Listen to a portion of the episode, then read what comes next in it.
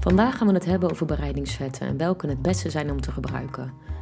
Welkom bij de podcast Fit en Vitaal met echte voeding. Ik ben diëtist Gesine Hamad Waslander en ik vind het fijn dat je er bent vandaag.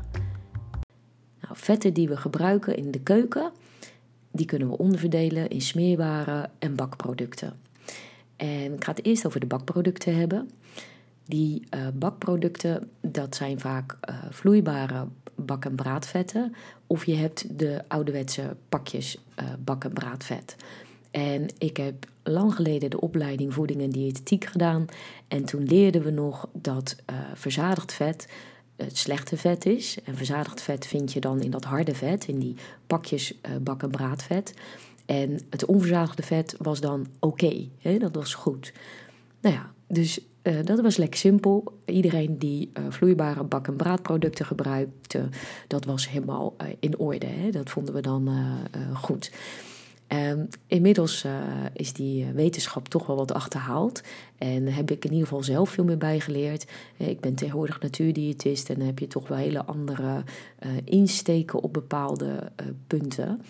En wat betreft die uh, vloeibare bak- en braadproducten, ja, daar kun je wel wat over uh, op- en aanmerken. Um, er zijn eigenlijk twee aspecten waarom ik dat tegenwoordig niet meer adviseer. En het eerste aspect is, het is een sterk bewerkt product.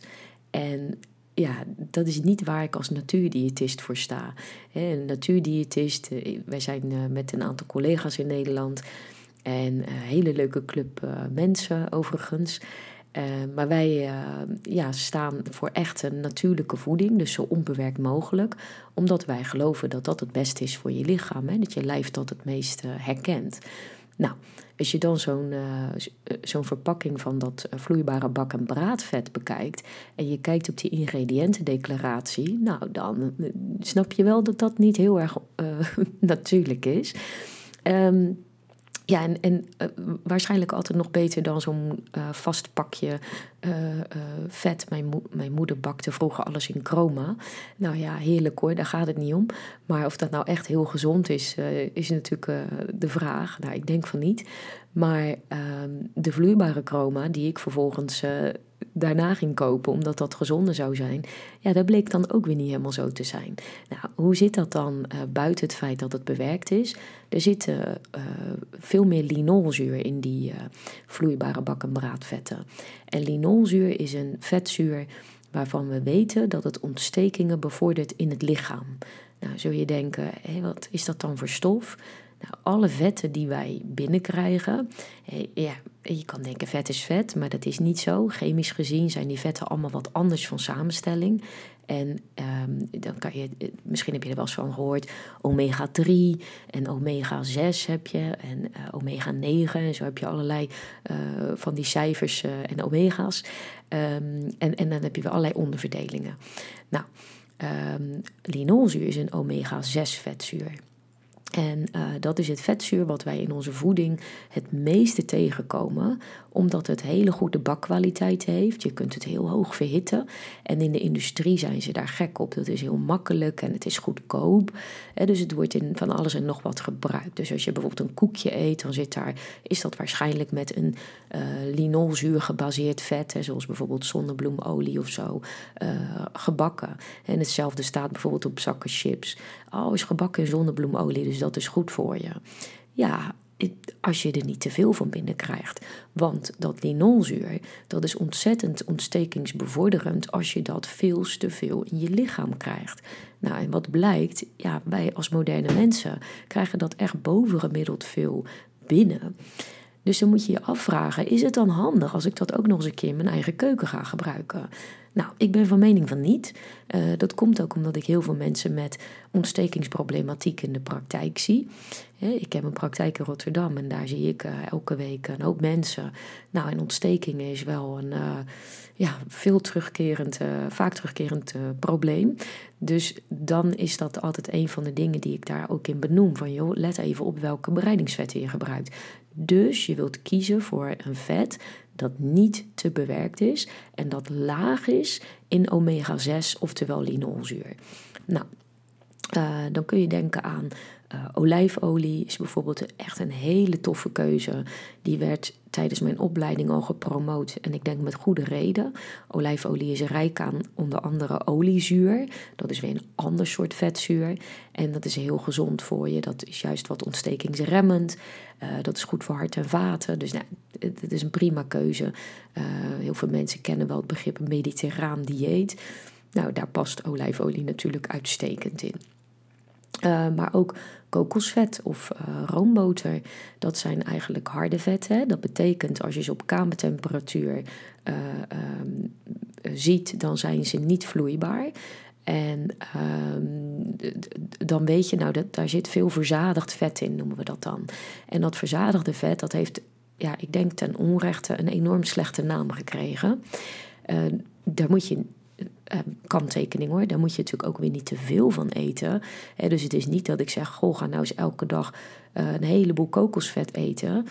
Uh, maar afwisselend. Hè? Dus je kunt zeggen, nou, ik doe bijvoorbeeld vier keer in de week gebruik ik olijfolie.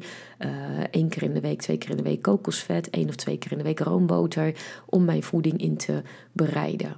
Er zijn nog andere vetten die, die ook wel aardig zijn. Maar baktechnisch uh, moet ik nog wel vermelden. Ik ben ook wel gecharmeerd van uh, avocado pitolie. Maar het is een kostbaar product. Dus ja, dat moet je voor jezelf maar bepalen. Maar dat heeft een, um, een hele hoge. Uh, verhittingsniveau. dus je kan dat, uh, ik kom even niet meer op de naam, maar je kan het in ieder geval goed uh, verhitten zonder dat het, ja, het rookpunt, dat dat begint te walmen, dat dat vet eigenlijk dan daardoor beschadigd raakt. Dus die avocado pitolie is heel geschikt als je op hogere temperaturen wil bakken, maar dat geldt eerlijk gezegd ook voor kokosvet, kun je ook behoorlijk hoog verhitten. Ik, ja, wij maken er thuis allemaal gebruik van. En ja, het is, het is raadzaam om daarover na te denken. Heel veel mensen nemen zonnebloemolie, want dat zou dan gezond zijn en het is niet duur. Ja, investeer gewoon in olijfolie, uh, zet wat kokosvet neer en een pakje roomboter. En misschien als je het heel spannend wil doen, wat avocado pitolie. Uh, en dan heb je echt een prachtige variatie aan producten zonder allerlei toevoegingen en zonder al te veel linolzuur. En dat scheelt een hoop ontstekingsgevoeligheid. Nou, dan hebben we nog uh, de smeerbare producten. En daar geldt eigenlijk ook wel hetzelfde voor. Uh, als je het hebt over uh, de margarines die we in de winkel kunnen kopen, ja, moet je ook eens naar de ingrediëntendeclaratie kijken. Ja, dat, dat is niet echt heel bemoedigend hoeveel daarin zit. dus met andere woorden, staat ver van de natuur af. zou ik je adviseren, kies liever voor echt goede roomboter. Uh, wel met mate uiteraard. Ik heb ook cliënten die uh, roepen, nou ik pak het liefst de kaasschaaf erbij om roomboter te schaven voor mijn boterham. Nou, ik ben er zelf ook gek op. Ik ben een groot fan van roomboter, maar gebruik het wel met mate, want er zit natuurlijk enorm veel energie in en te veel is nooit goed. Maar je kunt ook kiezen voor avocado bijvoorbeeld. Hè. Je zegt van ik, ik maak een boterhammetje met een belegje of zo. En je doet daar wat avocado onder. Ja, dat is natuurlijk ook heel vet, maar ook heel gezond. Uh, je zou kunnen kiezen voor een notenpasta, zoals pindakaas of andere noten. Tahine, sesampasta.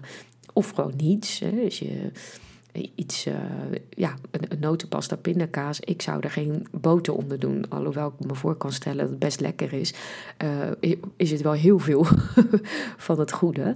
Uh, dus dat kun je allemaal gebruiken, maar wel natuurlijk verstandig en uh, gewoon niet te veel. Dus kortom, ja, goede vetten zijn echt super gezond voor je. Doen heel veel voor je gezondheid, met name om ontstekingen te remmen of niet te bevorderen. Uh, vetten heb je nodig als bouwstof en als brandstof. Hè, dus het heeft uh, zeker zijn functie. Dus je kunt ervan genieten, maar wel met mate. Nou, ik wens je heel veel bak- en bereidingsplezier met de juiste vetten. En heel graag tot de volgende keer. Bedankt voor het luisteren naar deze podcast. En ben je benieuwd naar de volgende aflevering? Klik dan op de volgen-button en je blijft op de hoogte van de nieuwste podcasts. Je kunt mij ook vinden op Instagram via mijn Lichte Leven pagina en je kunt je inschrijven voor mijn nieuwsbrief voor alle laatste nieuwtjes. Dit kan via de website www.diëtist-rotterdam.nl. En als mooie bonus ontvang je dan direct gratis het e-book Fitter in een dag. Dit was een podcast gesponsord door Praktijkdiëtist Rotterdam en de webshop Lichte Leven. Lichte Leven biedt hoogwaardige supplementen aan en een zeer uitgebreide online cursus, de Lichte Leven methode, voor iedereen die zijn gezondheid, energie en gewicht wil verbeteren.